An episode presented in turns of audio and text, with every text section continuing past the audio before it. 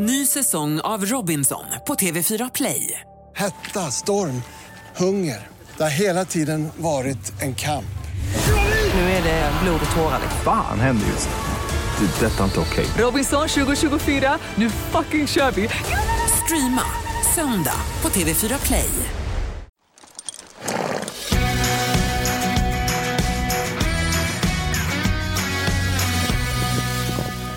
Välkommen till Ridklubben-podden som i vanliga fall brukar sitta i en eh, sadelkammare, en hästbuss, ett eh, omklädningsrum på stadion eller jag vet inte vad, Rebecka? Ja, men alltså på många olika platser, men aldrig så här piffigt kök. Vi sitter hemma hos mig i mitt hus i Stockholm och gör oss i ordning för att vi ska gå på Ryttargalan ikväll. Det är därför avsnittet kommer ut lite senare. ja, Det brukar komma ut onsdag på dagen, men galan är ju nu onsdag ikväll. precis. Och vi, jag har ju häcken full lite. Så jag har haft lite sjuk personal och det kommer ensilage och det kommer nytt underlag. Och, så jag ber om ursäkt att det kommer lite sent, här avsnittet. Ingen fara. Jag tänkte jag kan eh, filma det kan vi lägga ut på story så kan man se hur det ser ut när vi poddar idag. När vi piffar oss. ja, för det här sker inte ofta, kan jag säga. Podcast in the making. Så härligt. Det är ändå kul att man får sätta på sig något annat än ridbyxor ibland. Verkligen. Vad ser du fram emot med galan? Eh, oh, Vad är Ryttargalan om man ska berätta för någon som aldrig har varit i närheten? Vart den är? Nej, vad det är för det någonting? är för någonting? Oj. Eh, men det är ju en fin fest, skulle jag säga, med middag.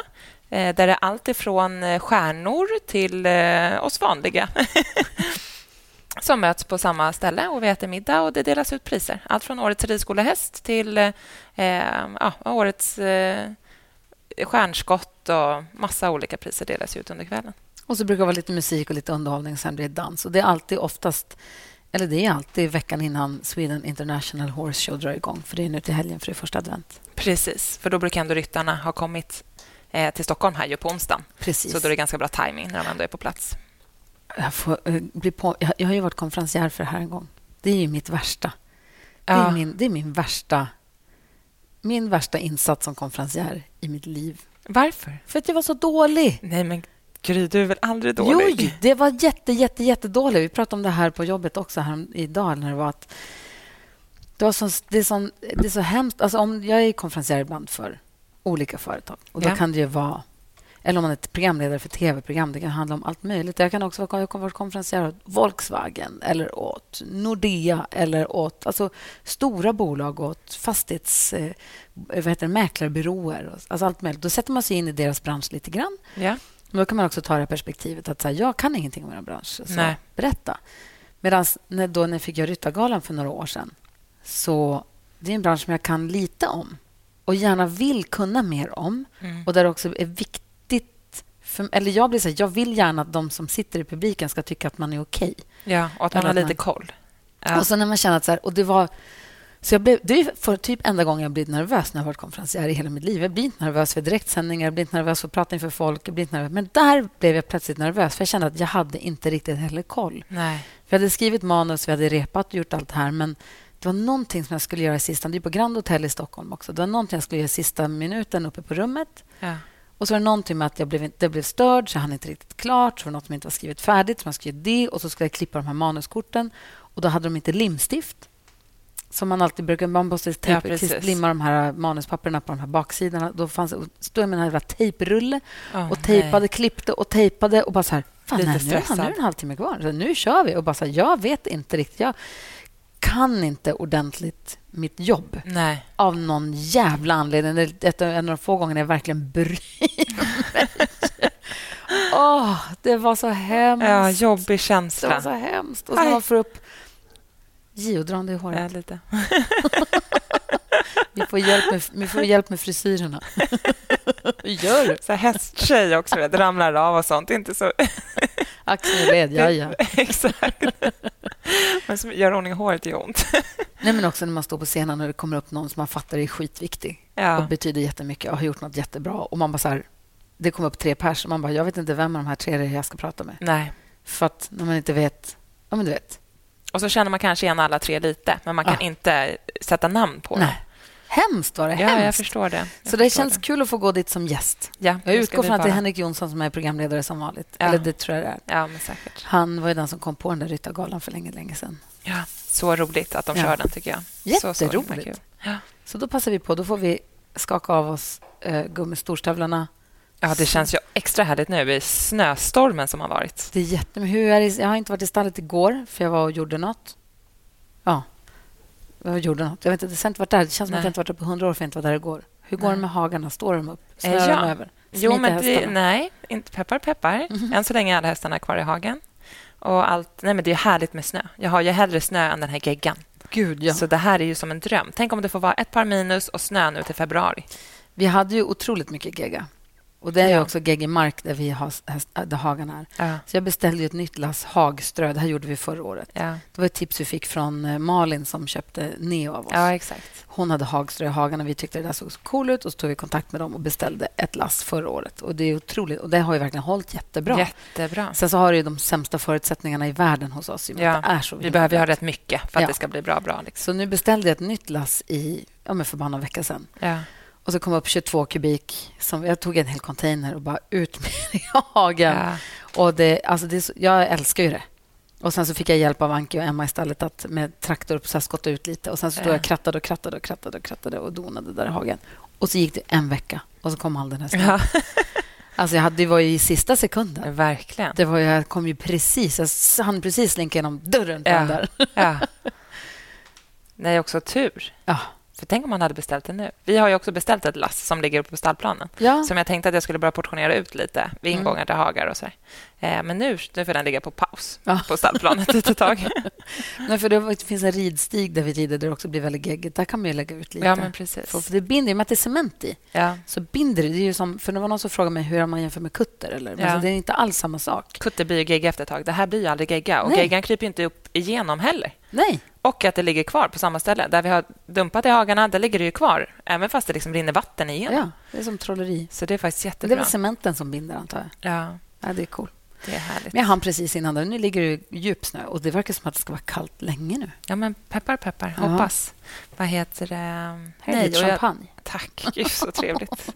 Skål, Gry. Skål. Kul. Det här gör vi inte så ofta. Nej, verkligen. Alldeles för sällan. Vi måste byta ut stallkaffet lite oftare, tänker jag. Men också, med den här snön som har kommit så kommer det också snögalopp. Så idag var första dagen. Det var så soligt och krispigt. Jag skulle egentligen rida hästarna inne. Eh, Men så var det lite tidspress för att jag hade sjuk personal och eh, att vi skulle på det här. Så jag bara, mamma snälla, ska inte vi bara rida ut och galoppera i snön? Det var också länge sedan jag red ut med min mamma och speciellt att galoppera i en hage. Alltså, det var så mysigt. Så vi red ut och galopperade i snön idag. Det var soligt och krispigt och hästarna är toppen. Och, Jag hoppas att du får hålla i sen, att det får vara kallt. För börjar det töa och sen frysa på, då är det kört igen. ja, Nicke skulle tyvärr rida också för Ninni som ju älskar, men det var just idag när det var Ja. det här fina vädret också. Det var synd, men Men ja, det kommer ju vara hela veckan. ja. Ehm, och Det är också härligt nu om man behöver lite hjälp med hästarna. tänker jag. Jag tycker Det är lättare att be folk att så här, rida ut en hage i snön och galoppera i snön. Ehm, så jag ska få lite hjälp med det i helgen. ja. Det var också skönt att provrida hästarna idag. Att de var snälla och inte körde någon boxserie. Och varför behöver du hjälp med hästarna i helgen? Eh, jo, för på fredag då ska vi gå på Friends och Jaha. kolla på Sweden International Horse Show. Ja, och lördag? Och lördag. Eh, så på fredag har jag bjudit med all min personal. Ja, ja, ja. Ja, så då ska vi gå dit, så det ska bli väldigt roligt. Eh, och jag tänker nu också vill man ha lite inspiration. Eh, så då ska vi gå. Och Sen kommer ju du också vara där, så vi kommer ses där. Mm. Eh, och sen på lördagen ska vi gå dit också. Så får vi se om vi får till det med att podda nu när vi har alla storstjärnorna på plats. Det kan vara lite att folk har lite tajt med tid och svårt att para ihop våra scheman, men vi ska försöka. Ja, verkligen. Men det är ju späckat schema under Ja. Sweden International Horse Show. Ja. Ja. Nej, det är kul. Jag tycker det är och Jag frågade Nicke också så här, vad, vad är det man vill se då. Ja, Eh, och vi är hyfsat samma. ja Jag är inte lika intresserad av, vi är inte lika roade av fyrspann Nej. och de här grejerna. Det är inte riktigt... Men det hör väl kanske till, jag vet Ja. inte. Och jag tänker, men ändå där så vill man ju titta på allt. Ja, Ja. och sen på... Det är det här med söndagen. Ganska sent på söndagskvällen har de ju den här inomhusterrängen. Ah, Och den är ju kul. Jättekul, men jäklar vad sent det blir. Jag som kliver upp fem Mm. på måndagen. Mm. Men jag tror tyvärr att jag åker på den. Det är bara... Det bara... Det, det måste göras tydligen. Ja, Det är skitkul att titta på. jätte, jätteroligt. Jätteroligt. Vi lovar att instagramma allt vad vi orkar om det är någon som vill hänga med oss via vårt Instagramkonto och titta på klipp Ja. därifrån. Ju. Verkligen. Ja. Då heter vi Ridklubben-podden på Instagram. Ja. Det är så många som hör av sig där. Och, ja. Jo, tack vill jag säga till dem. Det är ganska många som har hört av sig med tips om storhäst. Sen förra avsnittet när jag sa att vi började kika lite efter storhäst. Ja, jag har varit och provridit några. Vi har provridit en. Ja. Skulle provridit en. Det var det jag gjorde igår. Vi skulle provridit en igår, Just men det var det. sånt snökaos. Det gick inte liksom att köra bilen. Nej. Ja, De varnade bara håll er hemma, åk ingenstans. Gul varning. Och det var två timmars bilfärd utan trafik. Ja. Så då sa vi att jag övertalade Nicky. Hon tyckte inte det var en bra idé. Hon Nej. var jättenyfiken på den här hästen. Ja, okej. Då sa vi vi får vänta lite med det. Men vi ska på en liten roadtrip här snart också, söderöver ja, och titta lite. Vi har inte heller bråttom och det är också skönt. ja. Samtidigt som man ju så här, man vill ju prova. Precis, om man ändå börjat bestämma sig så vill Ja. man ju prova så mycket som möjligt. Ja. Vi provade en jätte, jättehärlig, jättefin häst från en lyssnare faktiskt som hörde av sig. Kul. Mm. Så om det är fler som har tips så har ni inte bestämt er än. Nej, gud Så nej. har ni en häst som passar Nicky som handen i handsken så eh, skicka till oss. Tantsäker, obs. Inte lika viktigt, men... Ja, hörru du. Vi har ju träffat Lena Bredberg. Ja. Henne träffade vi i stallet. Då satt vi på kontoret. Precis. Och Det kommer ju framgå av samtalet med henne med vad vi har för relation med varandra. Ju. Ja. Hon och jag. Vi, har, vi träffades ju för 15 år sedan kanske. Ja. När jag fick vara med i när de hade Stjärnornas hoppning för allra första gången. Då hette, då hette det inte det, tror jag, men det var i Globen. Ja. När eh, Sweden International Horse Show, när det hette Globen Horse Show. ja, men precis. Ehm, så att, eh, och då träffades hon och jag. Och hon är ju så inspirerande och härlig och energiknippe och rolig. Och är Ja. också landslagsledare för ponnylandslaget i fälttävlan. Ja. Ehm, Men en frisk fläkt, henne vill man ju gärna ha i sitt stall, känner jag. verkligen. Ja. Ja, hon är super. Jag tycker hon är urkul. Ja. Ehm, så att vi bjöd ut henne till Gustavsberg och så träffade vi henne. Så ni får höra här.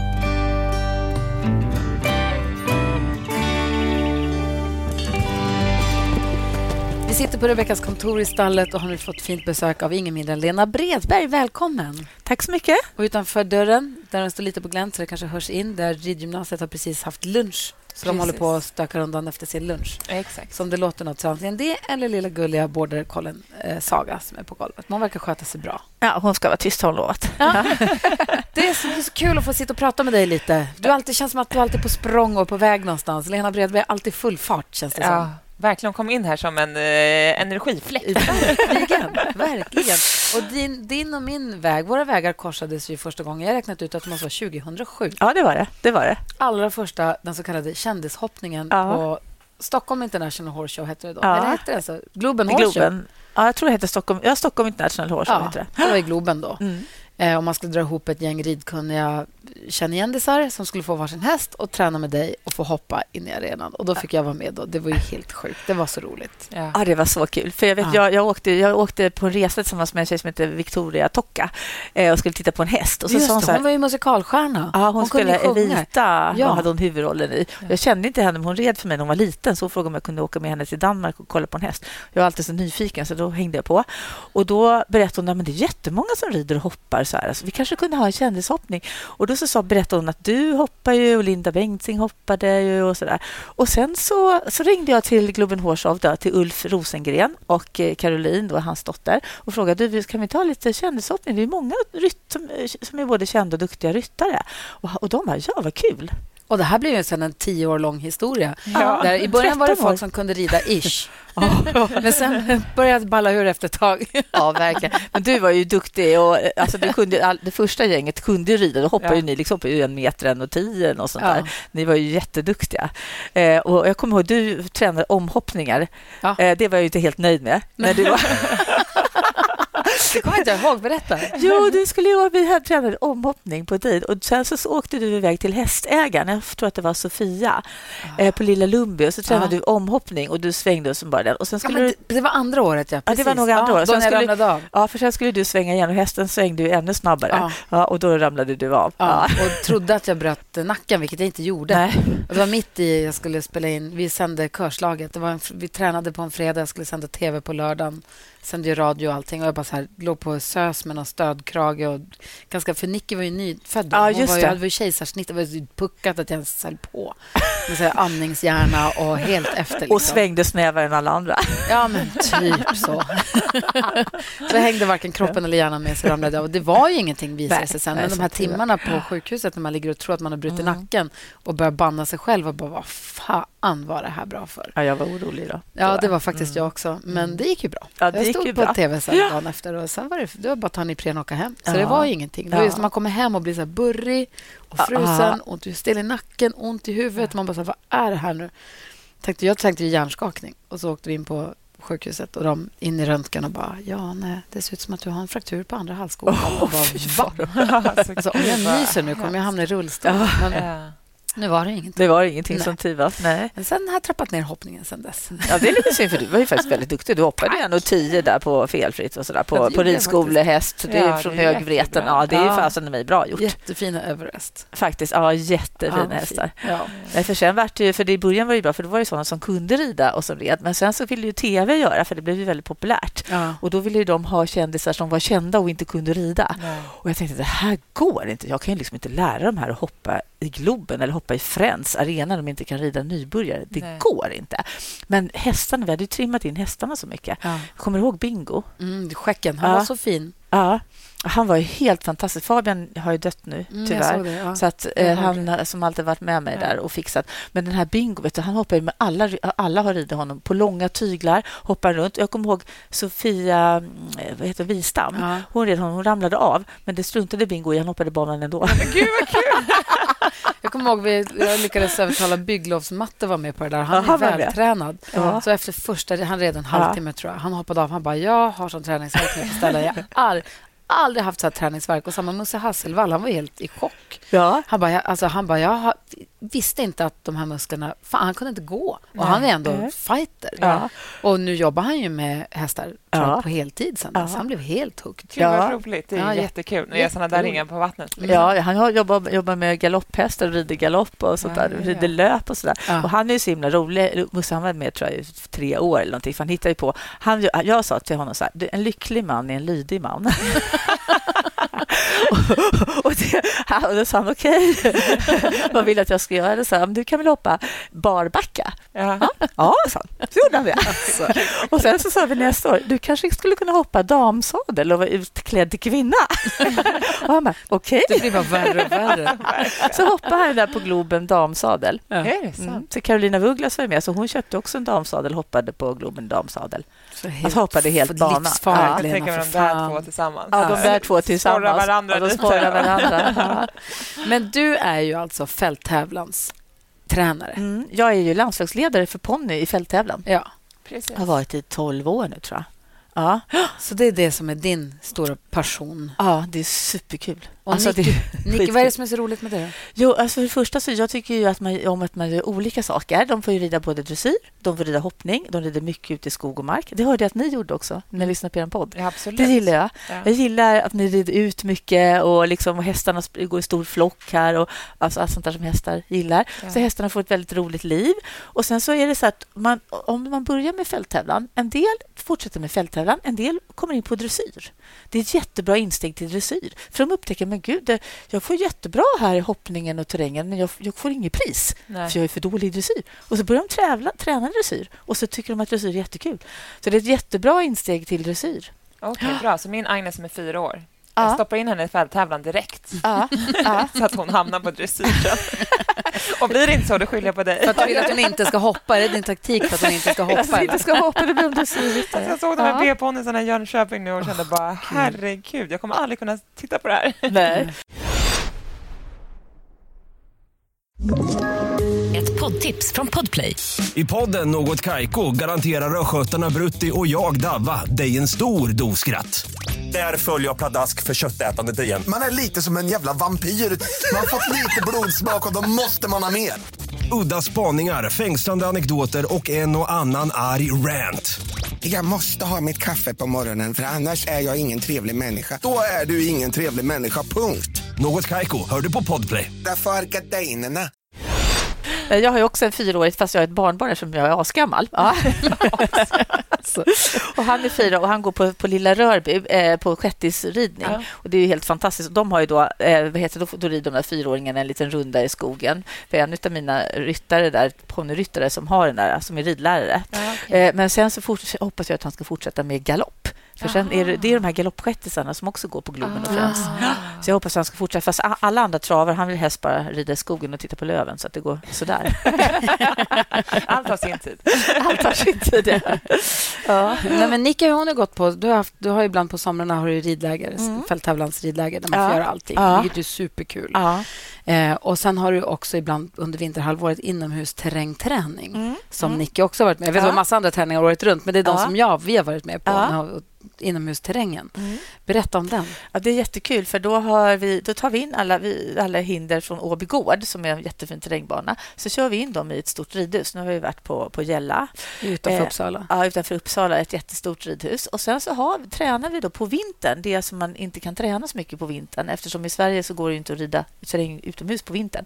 Eh, och då tränar vi olika linjer, smalhinder, såna här vi bygger upp låtsaskoffin alltså med, med eh, vattenmattor och vi rider massa olika eh, linjer och grejer. Gamla julgranar. Ja, gamla, och ja, vi, tar, ja, vi tar ut julgranar och allting så det ser ut som en terrängbana inomhus. Vi kör in riktiga terränghinder Det inomhus. känns ju som ett jätteprojekt. Jag tycker det är jobbigt att bygga upp en bana inför banhoppning.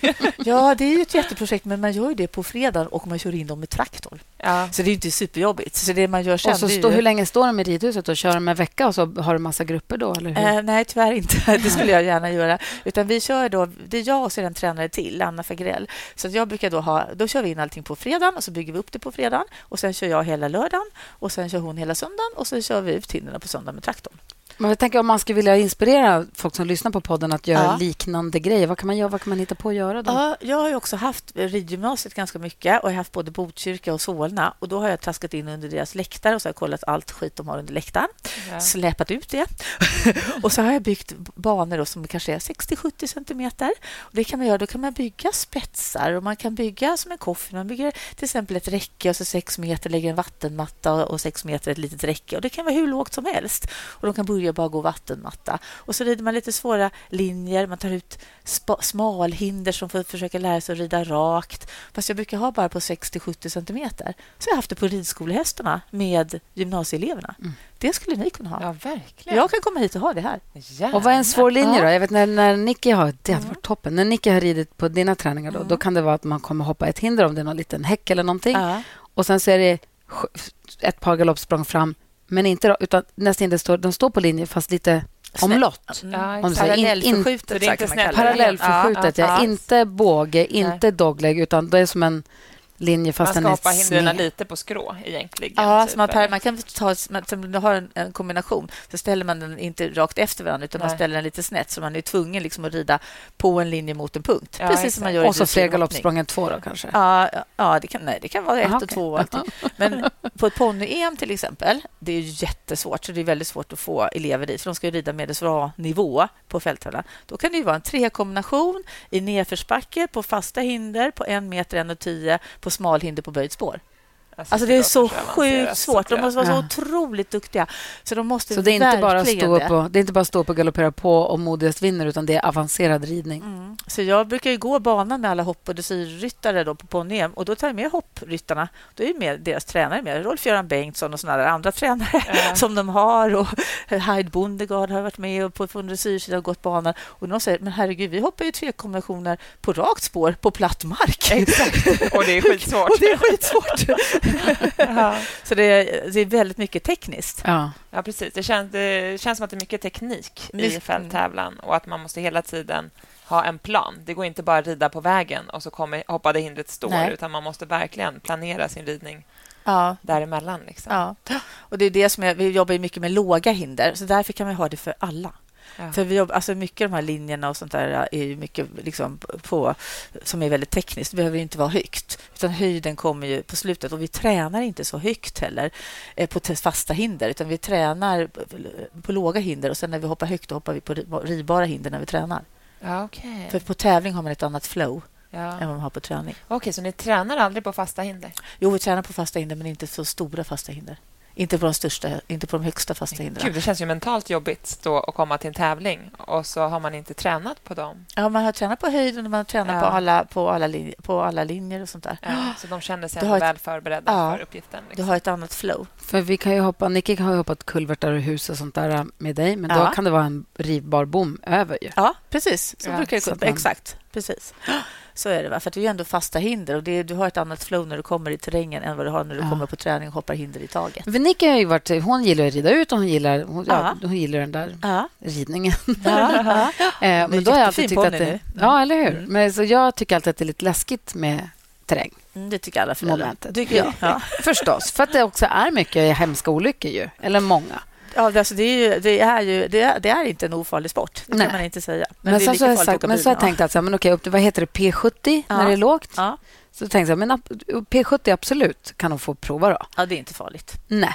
Eh, men det är någonting med att det känns, vi som då är inne i hoppsvängen, att det är svårt. Jag fattar liksom inte ens hur jag ska börja anmäla henne.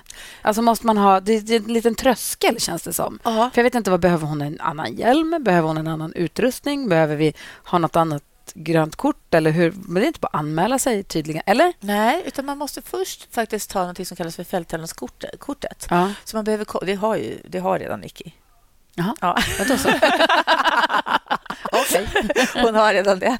Eh, Hon har ju gått, gått på ridläger och allting och då, tar de ju, då får de ju fälttävlanskortet Ja, okej. på lägena. Så hon har redan fälttävlanskortet. Så du delar ut såna? Ja, jag delar ut såna. Ja. och då måste man kunna hoppa en liten bana. På ponny måste man kunna hoppa en liten bana på 70 centimeter på åtta hinder med vatten och dike och allting. Det har ju Mm. Nicky gjort Och det är massa mer för gånger. en säkerhetsgrej? Ja. Att ni ska se att den här är redo att gå ut och rida ett strängmoment? Liksom. Exakt. Ja. Så man går till sin klubb och gånger. frågar vem kan, vem kan hjälpa mig att ta ett terrängkort? Ja, Så- du kan gå till klubben eller eller, till distriktet. Ja. Ja. Och man kan gå, finns också, här finns det en podd som, eller en, en, en, en, sida som heter Fälttävlan i Mälardalen. Eh, en Facebook-sida. Där står alla träningar som är runt om här. Och det måste ju finnas alla Och distrikt. här är ju mycket. Ja. Här på Runsten har ju till Ja, exempel exakt. mycket Ja, men jag tänkte om man bor i. Dalarna eller Norrbotten. Eller, alltså det måste man gå och hitta. Det finns i alla distrikt. Så Och fälttävlanskort behöver man. Ja, det behöver man ha. Och Då har man ridit en liten bana på åtta hinder på lite olika hindertyper. Och Om du har häst så bör du rida den här banan på 90 centimeter. Och Det är betydligt svårare att rida en bana på 90 centimeter än att rida 70 centimeter på en ponny. Så att ofta är det på hästsidan är det ofta som jag brukar säga att äh, du kanske ska komma tillbaka och träna lite mer. Sen har vi också nu börjat med en klass som heter H80. Och vi har också börjat med en klass som heter P60. Ponny 60 centimeter och häst 80 centimeter. Och där har vi tidigare inte behövt ha något fälttävlanskort, men det kommer vi införa nu också. Ja. Så att nu går det att vara lite mer flexibel och att man inte behöver hoppa precis 90 på alla hinder utan kan vara lite lägre också. Ja. Man, har, man kan hoppa 80 centimeter. Och jag tänker att det är bra också, för att det, sporten blir lite bredare för de som kanske inte vågar börja direkt på 90, Ja. men gärna vill börja testa. Ja, och alla, en del tycker inte det är så kul att hoppa högt. En del tycker det är kul att ri- rida runt och rida på den nivån. Och Det är jättebra. Då får arrangörerna starter och folk har kul och alltihopa. Alla vill inte bli elit. Liksom. Nej. Och hur går det till då? Då rider man ett terrängmoment, ett hoppmoment och dressyrmoment? Ja, på en tävling. Jag hörde att ni pratade om att man rider bara en timme om dagen. Ja. Och då tänkte jag på det, för när vi tävlar då rider, vi, då rider ju vi... Först rider man ju dressyr. rider man ju fram kanske 45 minuter till dressyr och så rider man dressyr. Ja. Eh, olika program. Då, då. Eh, och Det är som vanlig dressyr och vanlig dressyrdomare ingen skillnad. Nej. Sen så går man och byter till hoppsaker. Och, och Samma dag? Sam, ja, och inom 30 minuter har man på sig då innan man ska hoppa. Och så sätter man på hoppsaker, så hoppar man fram och så där. Och sen går man in och så hoppar man sin hoppbana. Och sen så kanske man har en liten paus och så ska man gå terrängbanan en massa gånger. Eh, när vi rider EM kanske vi går en 6-7 gånger och den kan vara typ 4, tid? 4 kilometer. Ja. På, på de här låga klasserna så är de typ en och en halv kilometer och man kanske Ja. går den två gånger. Så att. Ja. Eh, och sen så hoppar man terräng på eftermiddagen. Så vi rider på hästarna kanske tre timmar om dagen. Oh, wow. Och Men hur det- tränar man inför det? Jo, då rider man hästarna flera gånger om dagen hemma också. Och de här, jag vet Mikael Ljung till exempel som har varit världsmästare. Jag vet jag har elever som har varit där och jobbat. Då hans hästar går en och en halv timme på förmiddagen och en och en halv timme på eftermiddagen. Och ett av passen är alltid ute. Ute och klättrar eller Ja. galopperar och sånt där. Och så ett av passen är liksom mer arbete. Ja. Så vi rider, och det är, jag sitter med i Hästhälsorådet också. Ja. Vi rider våra hästar för lite, de för äter, de äter för mycket, Ja. eh, så de är för tjocka och de har för dålig kondition. Så att, eh, vi behöver rida mera och, eh, och motionera mer. Ja, exakt. Men man hinner ju inte. Det det. Nej, men precis. Och så tror jag ibland blir det lite för enformig ridning också. Att det Mm. blir liksom samma hela tiden. Men sen förstår jag också så här, folk som jobbar och nu är det kolsvart på kvällen. Ja. Att det blir Kvällen, svårt. klockan tre. Ja. Ja, men det går inte. Alltså, det är svårt rent, rent textligt, men det bästa är om man har medryttare. Exakt, att man kan hjälpas åt. Ja, så dels om det är sådana som kan rida på dagen till Ja. exempel och så kan man vara med och betala Ja. så att det inte är så dyrt, för nu är det så himla dyrt. Ja. Och Folk har ju liksom inte så mycket pengar längre och det märker man överallt på träningar. Folk har inte, "Ja, jag måste bara träna varannan vecka, jag har inte råd att träna varje vecka och sådär. Nej, men precis. Och där tänker jag också att det är många som så här, ibland tycker att det är synd om ridskolehästar. Men jag tror egentligen att de motionerar ju bäst och Bäst. håller sig bäst Ja. i form och, och så. Absolut. Eh, eftersom att de rör sig och så rör de sig ganska kontrollerat hela tiden och under övervakning. Ja, att det är ridlärare som ser dem hela tiden som är utbildade och har koll. Liksom. Ridskolehästar har det ju skitbra. Ja, men, De går i stor flock ofta. De, vad heter, de rids ordentligt, de får ordentligt mycket motion. Det är proffs som tittar på dem hela tiden. De har ofta bra utpassade utrustning, ofta bra skoning. De har ofta koll på veterinärer. Alltså ridskolehästar har det väldigt bra. Ja. Nej, men det tycker jag också, för det brukar jag tänka på också. Jag har inga problem att stoppa in mina hästar i i Nej, ridskolan nej, ibland, så om nej. det behövs. Nej. Dels för att jag känner också att jag motionerar dem alldeles för lite. Ja. Drömmen hade ju varit om vi red en gång om dagen var. Gry. Ni kan rida här på förmiddagen, för då kan ni rida ut tillsammans och så på eftermiddagen kan ni trimma lite. Ja, nej, men det hade ju varit det bästa. Jag vet. Men det Mm, man hinner ja. inte. Men, och framförallt som alla kom ju också samma tid Ja. nästan. Ja. Ju. Alltså är eftermiddagen som alla... Och sen så våra hästar går i hagen fram till klockan tre. Och Då vill man låta dem gå i hagen så länge som möjligt. Och Ja, sen så vill man rida, då vill alla rida samtidigt. Ja. Sen ska man vilja att de kanske går en gång till sen på senare kvällen. Ja. Eller om någon kommer hit på förmiddagen. Ja. Men det är härligt att de får gå. Det är viktigt att de får gå i hagen. Jag tycker att det är bra som det är i Sverige. Alla, de ska kunna röra sig i sina, alla sina tre gångarter i hage. Ja. Och de ska helst ha sällskap. Ja. Man har ju sett endorfiner och sånt där på hästar som går tillsammans och kliar varandra. Och hästar som eh, går tillsammans har mycket mindre magsår och andra saker. Ja, ja, Så ja. att, Hur rider du nu? Har du någon häst? Eh, ja, jag har världens underbaraste häst. Va? Jag älskar honom. Gud. Ja, vad heter det? Ja, när, när jag hade den här eh, kändishoppningen Ja. så var vi provred en häst, jag och Maria, min dotter. Och Hon bara, mamma, jag måste köpa den hästen. Jag bara, Och får hon är också tränare som du? Ja, hon är tränare. Tyvärr båda mina döttrar tränar. Jag hade hoppats att de kunde göra någonting annat. Fast nu pluggar den ena till logoped i alla fall också. Men, ja. Ja, och då så, mm, så, så hade vi inte råd att köpa. Då skickade jag sms till alla er. Du fick säkert också ett frågade er, för det var något av första åren jag hade den här kändishoppningen. Ja. Är det någon som vill köpa en häst? Eh, den kan stå hos oss. Vi kan dela på alla kostnader. Du rider när du vill och kan, för många har så konstiga tider. Och, Ja. så här. och så tar vi resten. Och då fick jag svar från både från eh, Terran, jag vet inte om du kommer ihåg henne? Therese Andersson heter hon. Ja, Hon är med i det här ja. Eh, Änglagården nu. Ja. Mm. Och, och från Petra Nilsson också. Bara, ja, ja, det här låter spännande. så, att, eh, så att då köpte Terran och jag hästen tillsammans. Ja. Och det här var ju 12 år sedan. Eller något sånt där. Så vi har haft häst sedan dess. Och den här hästen har då min dotter tävlat EM på. Hon har tävlat NM och SM och allting. Vänta, Och- nu, för, vänta, Ja. du, du hittade en häst som du blev väldigt, väldigt förtjust i. Ja. Och så gick du ut till, ett, till ett gäng och sa är det någon som vill köpa in sig i hästen. Ja. Och då slutar det med att ni är två som köper hästen tillsammans. Ja, Terran och jag. Men det är flera som har hand om den då, eller? Nej, det är bara Terran. Det är bara ni två? Terran ja. ja. Och, men det är min dotter som rider, det är inte jag som har Ja. ridit. Och den här hästen var ju väldigt bra, det såg ju jag. Så att i början när Terran fick rida den var den lite för tuff. Så hon bara, hjälp. eh, men sen har hon ju lärt sig och blivit Ja. jätteduktig. Eh, men min dotter har ridit, hon har tagit två SM-medaljer på den här i fälttävlan. Hon har ridit Europamästerskapet, hon har ridit flera nordiska mästerskap. Och Terran har liksom låtit oss åka iväg med den här över hela Europa när vi har velat. Och vi har liksom anpassat oss när hon har velat rida. Så, så vi har samarbetat i 12 år.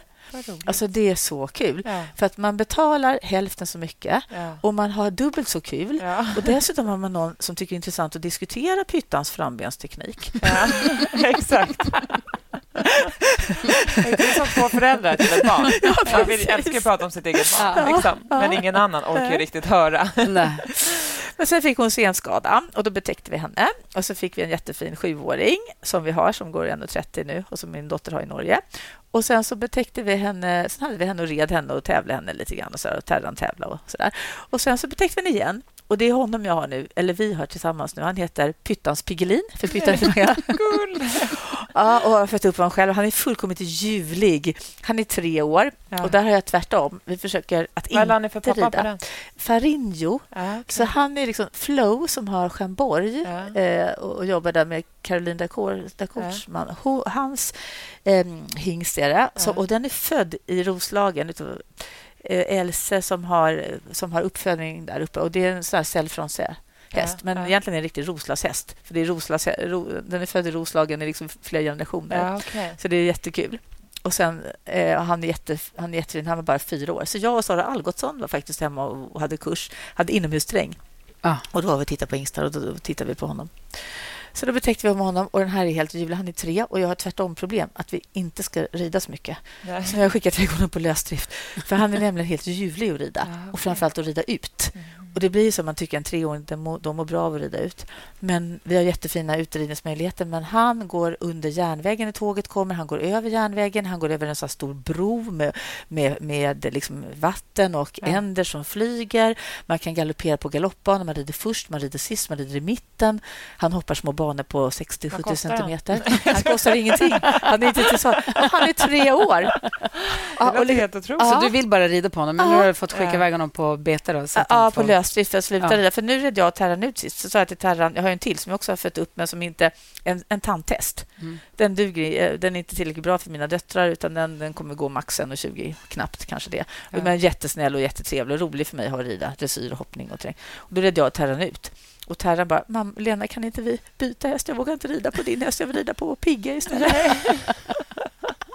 Så nu fick Det är jag ändå skicka ett gott betyg om man hellre sitter upp på treåringen. Ja. Ja, man känner sig så trygg på dem. Men det blir ju så när man föder upp dem själv. Det blir ju det. Alltså det blir så. Rebecka håller på med sin första egna uppfödning. Ja. Ja, Ja. det är mitt föl som är två och ett halvt nu. Ah, Det har, du går så fort. har du ridit in den? Nej, de Nej. ska göra det nu. Den bor i Mariefred. Ja.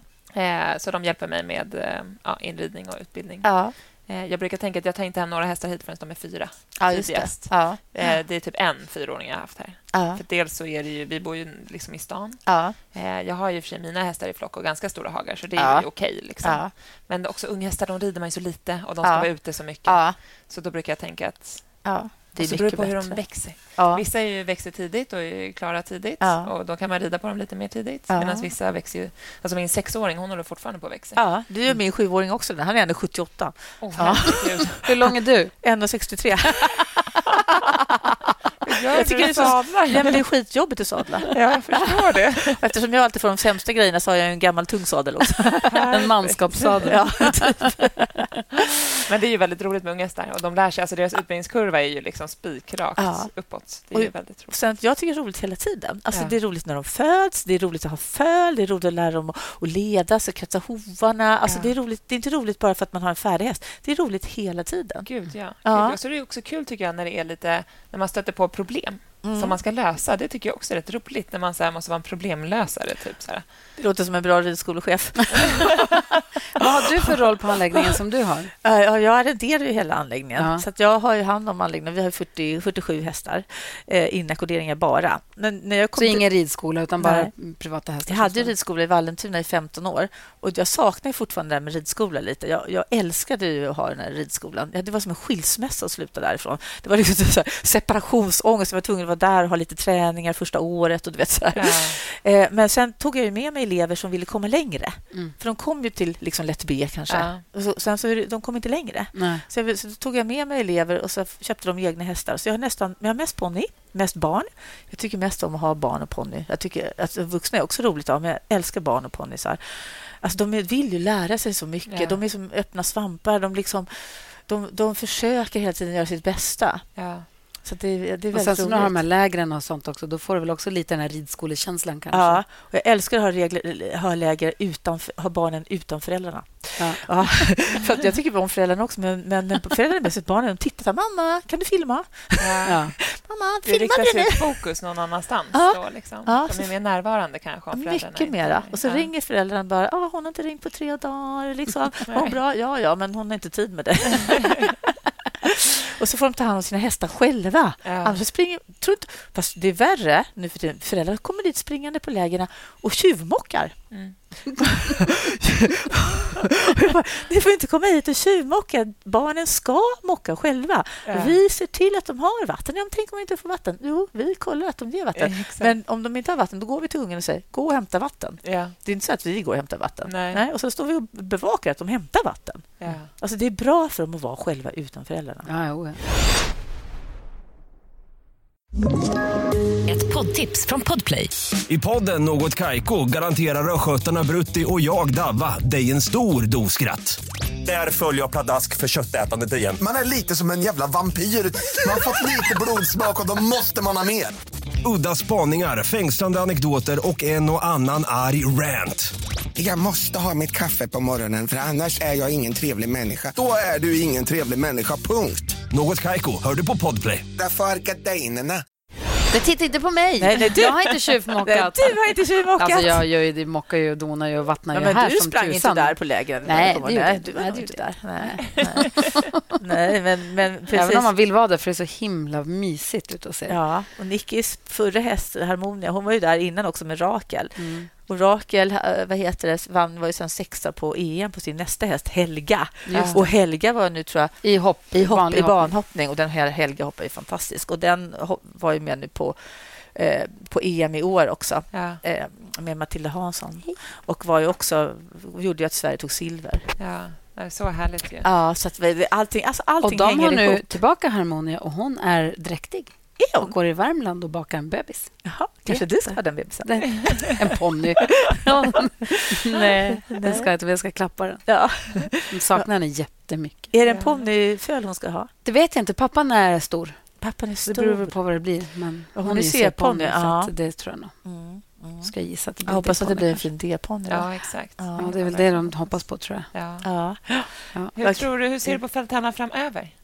Eh, Ja, nu, vi har gjort en grej nu som är, är väldigt spännande. Vi tittar lite på Holland. och Så här, för Det har ju varit väldigt nedgång på ponny överhuvudtaget på tävlingar. Som på ponny-EM i hoppning till exempel har det varit så att 11-12 lag. I år var det sju lag. Och Ja. Det är mycket children också som gör att det är mycket lättare att hoppa 1,20 på children på en häst som kanske hoppar 1,40, 1,50 än att hoppa 1,30, 1,35 på en ponny. Ja. Så att det har liksom blivit... Alltså ponny, ponnysporten har minskat. Man ser på, på tävlingar, färre starter och sånt där. Det har jag också reagerat på faktiskt. Ja. Att det har varit mycket mindre starter på ponnysidan. Ja, det har varit både på hoppning och på fälttävlan också, dressyr också. Det har, Ja. ponnysporten. Så, att, så då har vi gjort en grej som de har gjort i Holland också nu. Jag hade en, ponny, en talanginventering förra helgen. Okej. Eh, och så bjöd vi in alla, alltså dels de här som har ridit P90 och sådär, men ingen fick vara äldre än 15 år, Nej. för det är liksom ändå mot mästerskap lite grann. Men de som vill någonting, som har drömmar och och Maria, min dotter, brukar säga, hon har ett valspråk, släck inga drömmar. Nej. Utan försök att hjälpa folk att förverkliga sina drömmar. Ja. Eh, och så, så vi kunde bjuda in några som red hoppning, några som red bra höjde hoppning men inte har ridit fälttävlan och, och sådana som vill någonting och vill komma någon vart och så. Och vi fick jättemycket anmälningar. Ja. Och det var lite alla möjliga nivåer, från 11 år. Oj, Ja, så en del är lite svårt. Ja, men det, det känns som att det finns en, ett intresse här. Ja. Och nu gäller det att vi måste ta hand om alla. Hur gör man det då? Jag vet inte riktigt. Hon är så gullig. Alltså, verkligen. Jag gillar din energi och ditt engagemang. Det är fantastiskt. Ja, jag vet inte riktigt faktiskt. Men ja, vi har i alla fall gjort lite grupper. Vi har gjort en utvecklingsgrupp nu och det har de gjort även på hoppsidan. Så där är inte bara vi i Samarbetar ni då? Ja, vi och samarbetar. och Ja. dressyr, Så att ni ändå tänker lite lika och Ja. jobbar lite ja, och kan ta stöttning av varandra. Precis, och vi försöker jobba med den här röda tråden. Dels mellan ponny och häst och ungdomssidan på fälttävlan. Sen också som pon, ponnyerna, ponny-EM är hoppning, dressyr och fälttävlan ihop. Ja. Och har varit alltid. Och det är så kul. Ja. Så att jag har ju varit på alla ponny-EM de sista 12 åren. Ja, Jag har sett, jag vet hur en bakdelsvändning ska se ut som fem domare dömer. Ja. Jag har suttit där på läktaren, kollat varenda hoppning, varenda dressyr, bara för att man lär sig så mycket. Det är jättekul. Och sen så har vi haft liksom prikamp tillsammans. Vi har haft samarbete, vi har blandat ihop lag. Vi försöker liksom, jag och Sofia Bengtsberg och Annette Svanberg, vi försöker liksom, ja, samarbeta och eh, liksom på, på, både- på, på bredden och sånt där, göra saker tillsammans. Vi hejar alltid på varandra, kollar upp vilka tider vi har. Liksom hejar och skriker och tjoar och viftar med flaggor och så. Det tror jag är jätteviktigt, Mm. att man samarbetar över gränserna Mm. lite och hjälper och peppar och stöttar varandra och Ja. lyfter varandra. Ja. Liksom. Och sen är det så att alla behöver inte rida EM, utan alla, Mm. alla är viktiga på sin nivå. Och, och, jag tänker så mycket nu att jag tycker att Nicky hon vill ju så gärna testa rida terräng eller rida fälttävlan.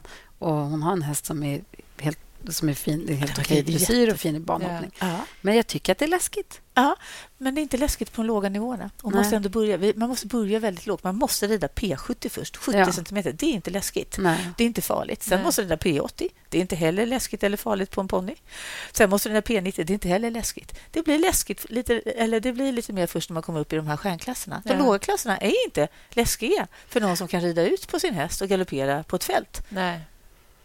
Hur branta nedförsbackar? Ja. Hur branta nedförsbackar? I de Jag tycker här det är läskigt när de kommer ju sken i nedförsbackarna. Ja, I de låga klasserna är det inga branta nedförsbackar. Nej. Utan de kommer i höga klasser och då, kan man ju, då är det inga hinder i branta nedförsbackar. Vi I var ju med Haking på, vi Ja. var med Nickis som hon hoppade, tränade med mycket förut på Ja.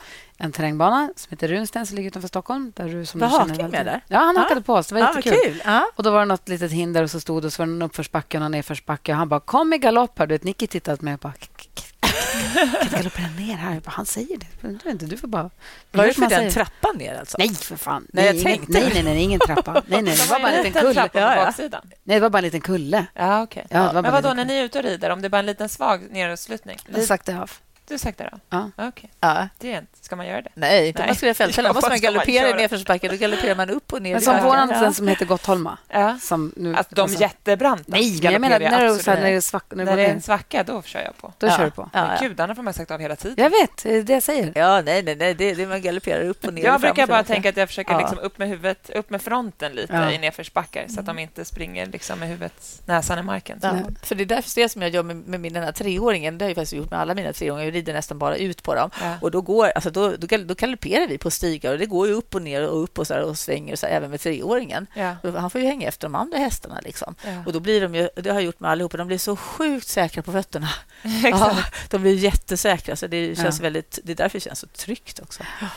Ja, nej, det tror jag också. Mm. Och min ena som är 78, han kan galoppera på en liten stig upp och ner och sånt där, för han har gjort det sedan han var Ja. tre. Liksom. Ja, men det tror jag också är viktigt, för man märker de hästarna som är lite snubbliga och lite sådär, Ja. att de behöver oftast ut i skogen och bara Mm. få lyfta och se sig för vart de sätter fötterna. Ja, det är lite läskigt med de här som kommer från Holland och, Ja. och, och, och olika länder. Och så här, så här, importerna. Liksom, de ramlar och snubblar och har sig. Liksom, ja. Ja, de snubblar ju nästan Ja. i ridhuset. Ja. Det är en liten eh, buckla. Liksom. Ja, ja. ja, alltså det är faktiskt... Men vad du frågade, fick vi svar på det? Sporten framåt? Just det. Fälttävlan framåt? Ja, men jag tror att det är, man, vi måste gå på bredden. Vi Ja. måste jobba med på breddsidan att försöka få folk att liksom vilja mycket. För om man säger att man har så här massa med barn och ungdomar och sånt där. Nu jobbar jag mest med barn och ungdomar. Ja. För att på- man kan ju hålla på väldigt länge med fälttävlan. Jag menar, man håller på, de håller ju på till de är så här 60 år. Det är som i banhoppning. Liksom. Så att man kan hålla på länge. Man har ju liksom 40 år på sig att vara senior.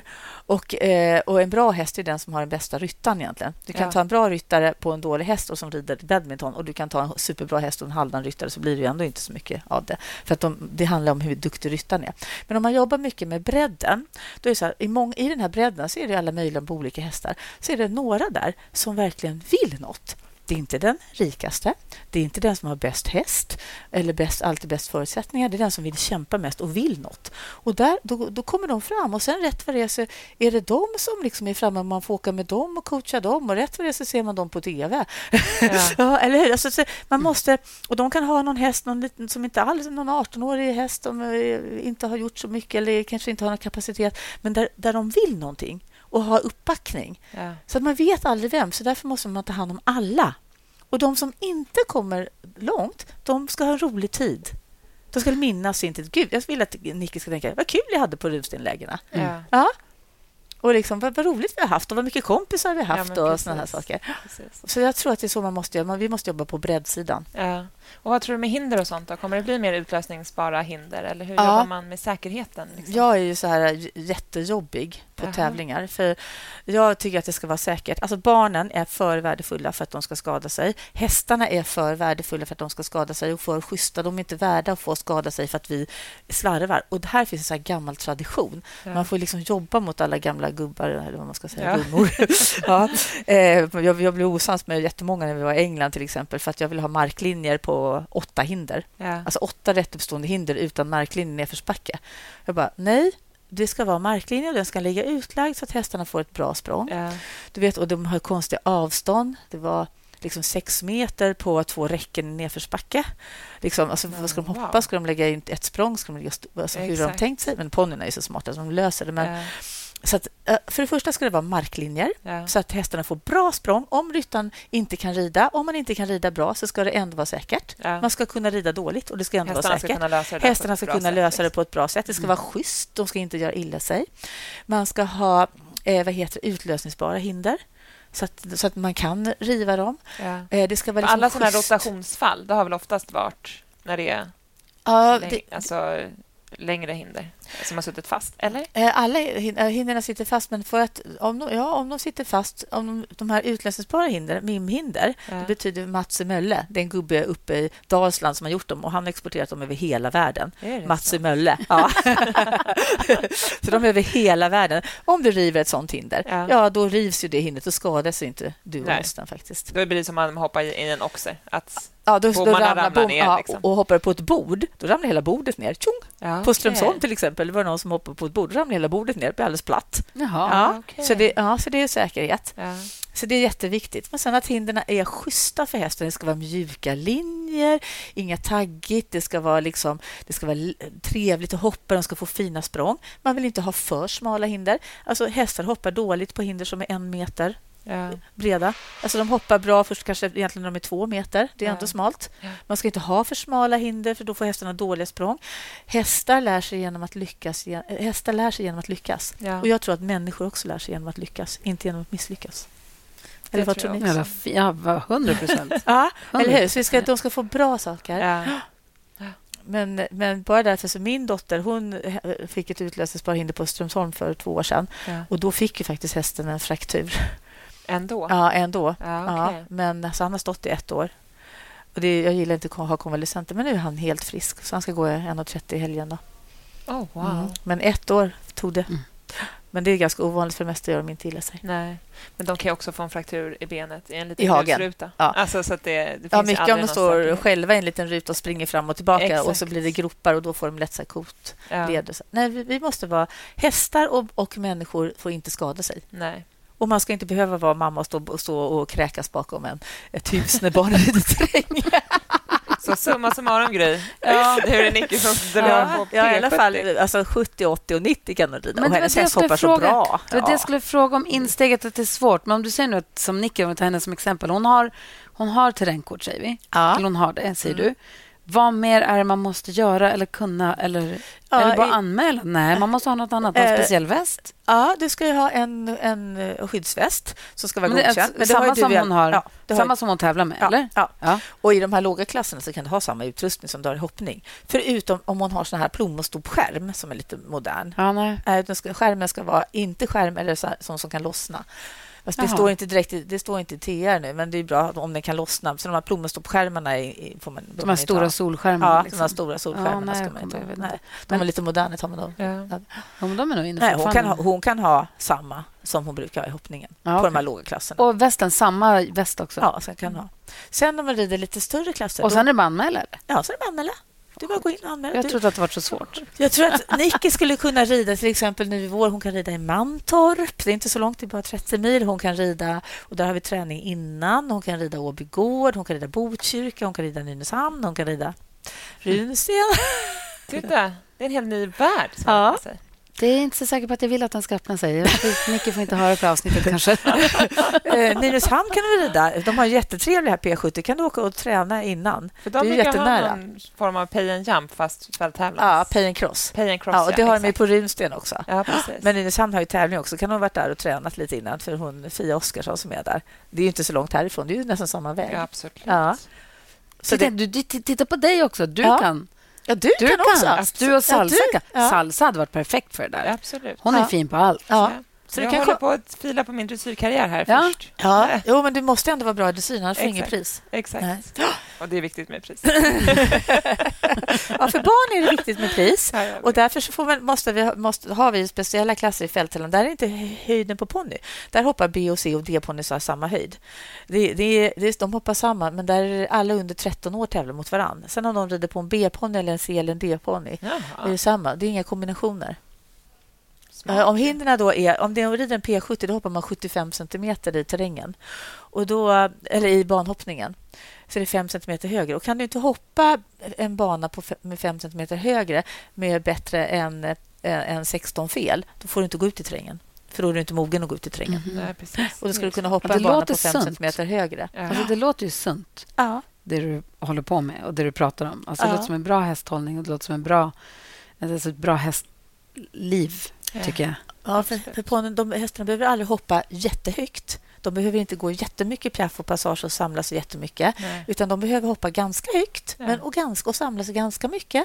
Och De gör olika saker och det gör att de blir väldigt gamla. Ja. faktiskt. Så det är väldigt många hästar som håller upp till 20, över 20, 21, 22 Och år. då tänker man att fälttävlan ska vara eh, att skaderisken måste vara större redan när ni galopperar nedförsbackar och sånt. Tänker Eh, nog ja, på, många. I högre klasser så så är det en viss skaderisk. Det kan man inte komma ifrån. Ju, Nej, men jag Mm. tänker att som du säger att era hästar blir kanske äldre än Ja. våra just för att ni har ett annat Varierat. tänk i varierat De- arbete hela tiden. Ja. Liksom. Och det är ju det som gör just att gå på olika underlag och göra olika saker. Det är ju bra för människor också. Ja. Att göra, det är ju liksom inget konstigt. Nej, Men sen vet man också, om man haft den här som är vila och så ska man rida ut på den sen. Det är inte alltid jättekul. Och då förstår Nej, jag att folk kanske hamnar i ridhuset och så... Ja, men du Konvalescenter till exempel är det värsta som finns. Jag vet. Alltså, det, det, alltså nu är man ju gammal. Jag tycker det är avskyr att rida konvalescenter. Ja. De, de, de, de vill ju bara sprätta iväg. Exakt. Ja. man, blir inte, man blir mindre och mindre modig. Ja, jag hade min föd då, som är två och ett halvt nu. Han Ja. gjorde illa sig när han var ett Ja. och stod på boxen en månad. Och sen sa veterinären, eh, börja gå kort- korta promenader. Ja, just det. Ja, Just det, ja. sa jag också. Jag bara, hur sa du att man gör det med Ja. Ja, okej, fy, nej. Det- då ska man, då är det nästan farligare än att rida fälttävlan. Att Absolut. leda en konvalescent. Mm. Ja, Ja. det tror jag också. Ja, vi har Jag fått, en del har vi fått ge droger för att det har helt enkelt varit för farligt. Ja. De har liksom flugit upp i luften och man ska gå och leda dem där och de har varit, det, är, det, är, Ja, nej, det är, inte det är farligt för, för en människa att göra det faktiskt. Ja, verkligen. Nej, hjälm på alltid. Mm, Det är mycket farligare att leda konvalescenter än att rida fälttävlan. Precis. Så nu kan du också rida fält. Nej, nej, nej, nej, Ja, det kan du göra. Ja, Du är duktig på dressyr och hoppning. Ja, men det kan du. Ja. Jättebra, tack. Det Lena brukar säga, vad var det du sa när Nicky tränade sist? Men jag har lite, lite längre tyglar och så bara dundrar du på mot nästa hinder. Jag bara, åh. Dundra på. Ja, men Nicky har ju en häst som är duktig. Just om man är duktig i dressyr och duktig i hoppning, då är det jättebra att rida terräng. Och det de behöver lära sig det är lite olika saker. Hoppa diken, gå ner i vatten, hoppa upp och hoppa ner hopp. Alltså olika tekniska saker. Linjer och sånt där. Och det är mycket man kan träna liksom i ridhuset på vintern också. Ja. Genom att bygga upp. Man får använda sin fantasi. Man bygger liksom en, en spets bygger man med tre stöd. Och så spets. Så Jag brukar släppa in liksom mycket saker som man hittar under läktaren. Och mycket träd vill jag ta in. När vi tränade inför, för att knyta ihop säcken, när vi tränade inför den här kändishoppningen Ja, just det. 2007, Ja, då för att vi skulle träna hästarna på titthinder, just då hade Lena och Fabian Fabian. tagit den här påsen som är inne i en bag-in-box-kartong som vinet är i. Ja. När den är tom så Ja. går den att blåsa upp. Ja. Så de blåste upp såna påsar och Ja. knöt fast i snören under bommen. Så de hängde och dinglade? Hängde och dinglade och glittrade och var liksom... För det var ju julhinder sen inne på Globen. Ja. Det var julgranskulor och jular Ja. och julgranar och allting. Ja. Så vi hoppade det där vinhindret. Ja, jag- Fabian hade lite jobbigt med att dricka upp allt vin innan. Ah, så kul. Vad roligt att få träffa dig och sitta och Ja. prata med dig en liten stund. Vi får Ja, se om vi jättekul. kanske Ja, ses det här i vi- vinter. ja, Då. Det, det blir inomhusterräng på Gälla där eh, 29-30 december. Ja. Sen så ska ju de tyvärr, familjen Johansson, som, Fredrik och Ulla Johansson som kör in alla hinder, de skulle bort sen i fem veckor. Jaha, Men då, ja, det är ingen av oss som klarar av att köra in de där hindren. Det är alldeles för svårt med gafflarna och grejer. Så vi får se när det blir sen kanske typ i februari igen. Då, hoppas jag. Gud, vad Kul. roligt. Men Jätteroligt. ko- åkte, det är långt för er att åka, men de har ju på Runsten också. Ja. Ja. Nej, Men jag tänker om man sitter och lyssnar i Skåne eller bara får inspiration. Det måste finnas massa Facebookgrupper och massa olika sätt att hitta, absolut. hitta folk som... Ja, Alltså. men Fälttävlan i Mälardalen är en ganska bra grupp. Där står alla Ja. träningar. Det är skitbra. Ja, det är Ja, och då kan du, du och Nicky åka. Ja, verkligen. Du kan vara med med Ja. salsa. Absolut. Ja. Ja. Ja, jag är inte den som är den. Nej, nej, bra. nej. nej, nej. ja, Ja. Tack snälla för att du kom hit. Så Ja. mysigt. jätteroligt. Ha Ja, det. Mm, ha det. Hej!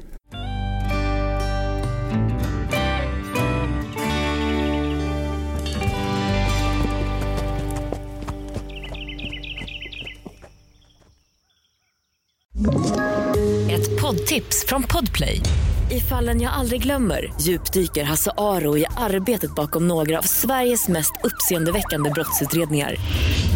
Går vi in med hemlig telefonavlyssning och, och då upplever vi att vi får en total förändring av hans beteende. Vad är det som händer nu? Vem är det som läcker? Och så säger han att jag är kriminell, jag har varit kriminell i hela mitt liv men att mörda ett barn, där går min gräns. Nya säsongen av Fallen jag aldrig glömmer på Podplay.